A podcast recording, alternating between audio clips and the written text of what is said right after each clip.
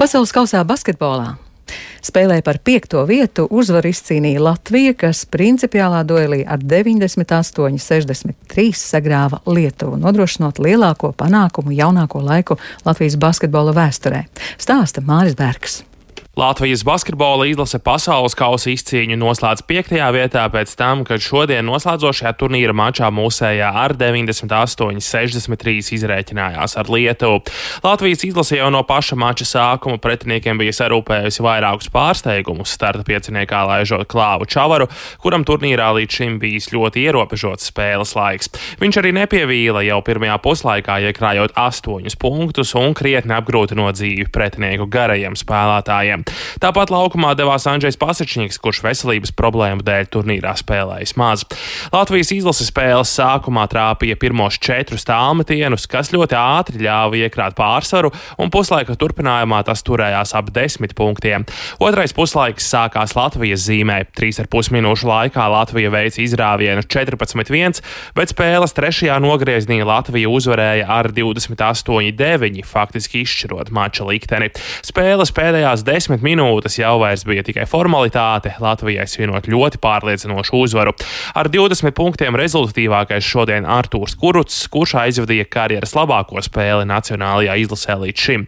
Artūrs Žagars izcēlās ar 17 rezultatīvām piespēlēm, labojot pasaules kausa rekordu rezultatīvajās piespēlēs viena mača laikā. Latvijas izlase tagad atgriezīsies mājās un pirmdien pēcpusdienā pie brīvības pieminekļa paredzēta svinīgā komandas sagaidīšana. Dienas Pirmajā pusē spēlē par septīto vietu Slovenija ar 89-85 uzvarēja Itāliju. Slovenijas līderis Luka Dončičs izcēlās ar 29 punktiem, 10 atlikušajām bombām un 8 rezultatīvām piespēlēm, bet viņam arī 9 kļūdas. Rīt pasaules kausa basketbolā noslēgsies ar spēlēm par medaļām. Mačā par trešo vietu tiksies ASV un Kanāda, bet lielajā finālā Serbija spēlēs pret Vāciju. Bet turpinājumā par līdzjutēju emocijām. No Esplanādes Rīgā, kur varēja vērot spēles tiešraidi, studijā ieradies Viktors Demīdovs. Sveiks, Viktor! Pastāsti, kā mūsu izlases cilvēki atbalstīja spēles laikā.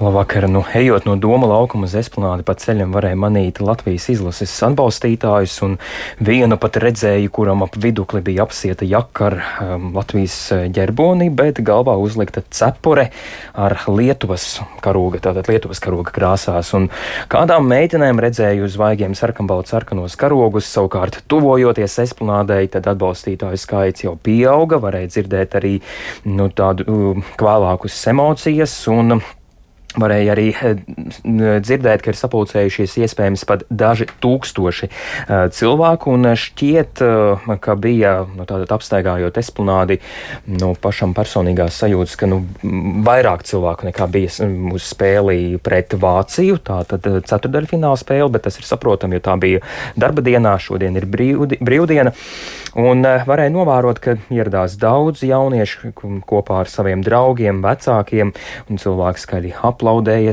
svilpoja, kad Latvija guva arī punktus un tās bija arī, uh, nu, jo īpaši Gavilai, kad Spēlēja Latvijas... līdzi.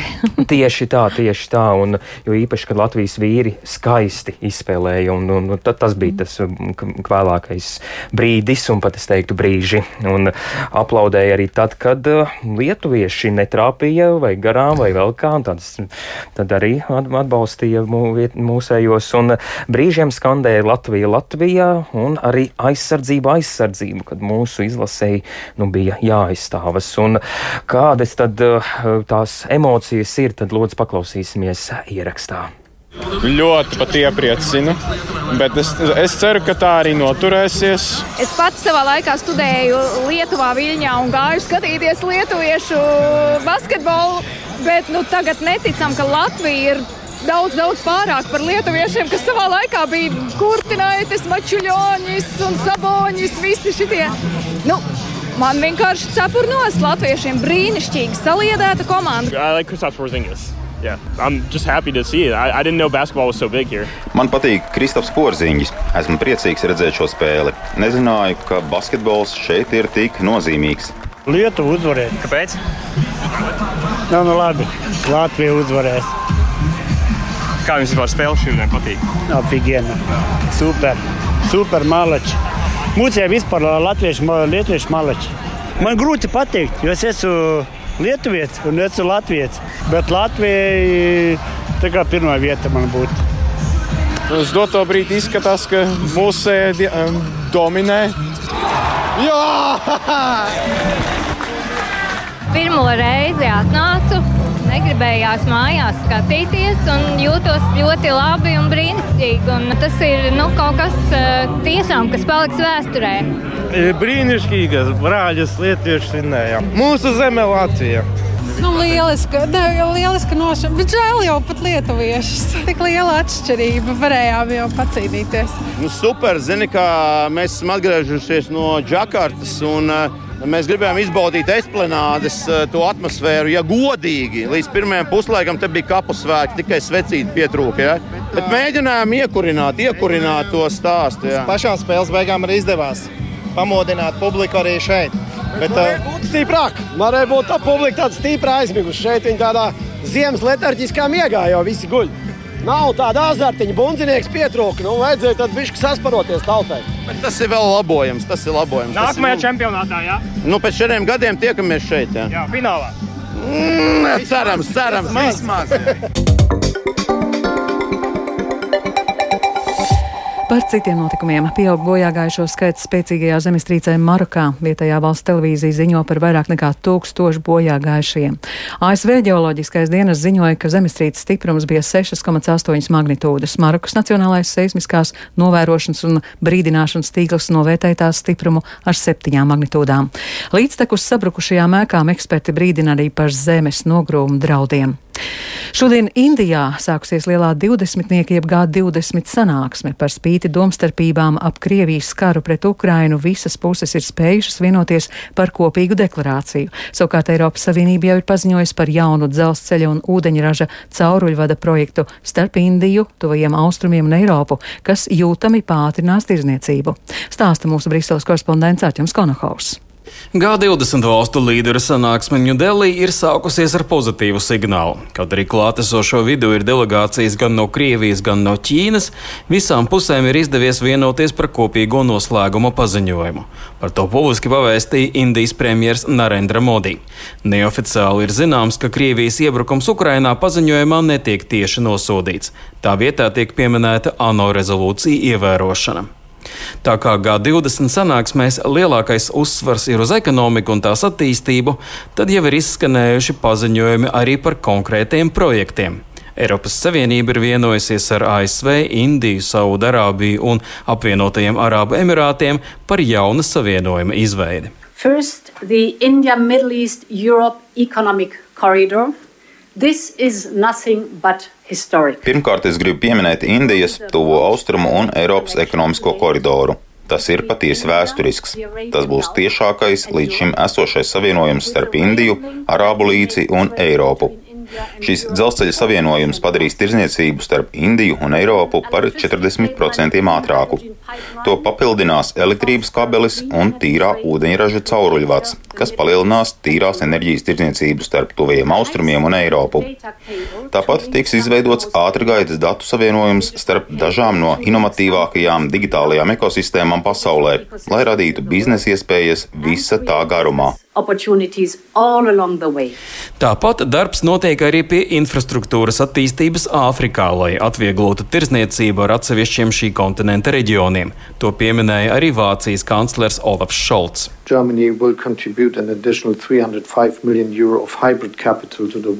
Vācija piešķirs Pasaules bankai papildu 305 miljonus hibrīdā kapitāla.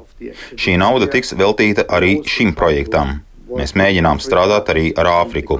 Novembrī Berlīnē notiks tikšanās, kas būs veltīta infrastruktūras un ekonomikas attīstībai. Tomēr daudzos jautājumos 20 attīstītāko ekonomiku vadītājiem domas dalās. Karš Ukrainai ir tikai viens no tiem. Arī jautājumā par cīņu ar klimata pārmaiņām ir rasts tikai minimāls kopsaucējs, kaut arī daudz zinātnieki brīdina, ka šis varētu būt siltākais gads novērojama vēsturē. Tā kā sanāksmē piedalās daudzas valstis, kas ražo vai nopietni paļaujas uz fosilajiem kurināmajiem, līderi nav varējuši vienoties par atteikšanos no tiem. Tā vietā tiek runāts par to izmantošanas pakāpenisku samazināšanu un atjaunojamās enerģijas ražošanas palielināšanu. Arčuns Konahaus Latvijas Rādio Briselē. Baltijas jūrā notiek Vācijas jūras spēku starptautiskās mācības. Aptuveni 30 sabiedroto kuģi Rīgas ostā pietāvojās jau ceturtdien un piekdien, bet šodien izbrauc atklātos ūdeņos. Mācību laikā plānots trenēt reakciju Krievijas iebrukuma gadījumā, stāsta Paula Dēvica. Mācībās piedalīsies karavīri no visām Baltijas reģiona NATO valstīm, kā arī ASV, Kanādas, Nīderlandes, Beļģijas, Francijas un arī Zviedrijas, kas drīzumā pievienosies aliansei. Manevriem, kas notiks Latvijas un Igaunijas piekrastē, viens no galvenajiem uzdevumiem būs jūras ceļu drošības garantēšana. Mācības organizē Vācijas kara flote, un tās komandieris viceadmirālis Jans Kristiāns Kāks medijiem sacījis, ka tiks dots skaidrs vēstījums Krievijai, ne jau mūsu dežūras laikā. Militāro mācību Northern Coasts 2023 ietveros notiks intensīva Latvijas un sabiedroto karavīru un militārās tehnikas pārvietošanās, kā arī Latvijas gaisa telpā lidos militārie gaisa kuģi. Par ātruma pārsniegšanu likumsargi katru dienu fiksē vidēji 200 pārkāpumu.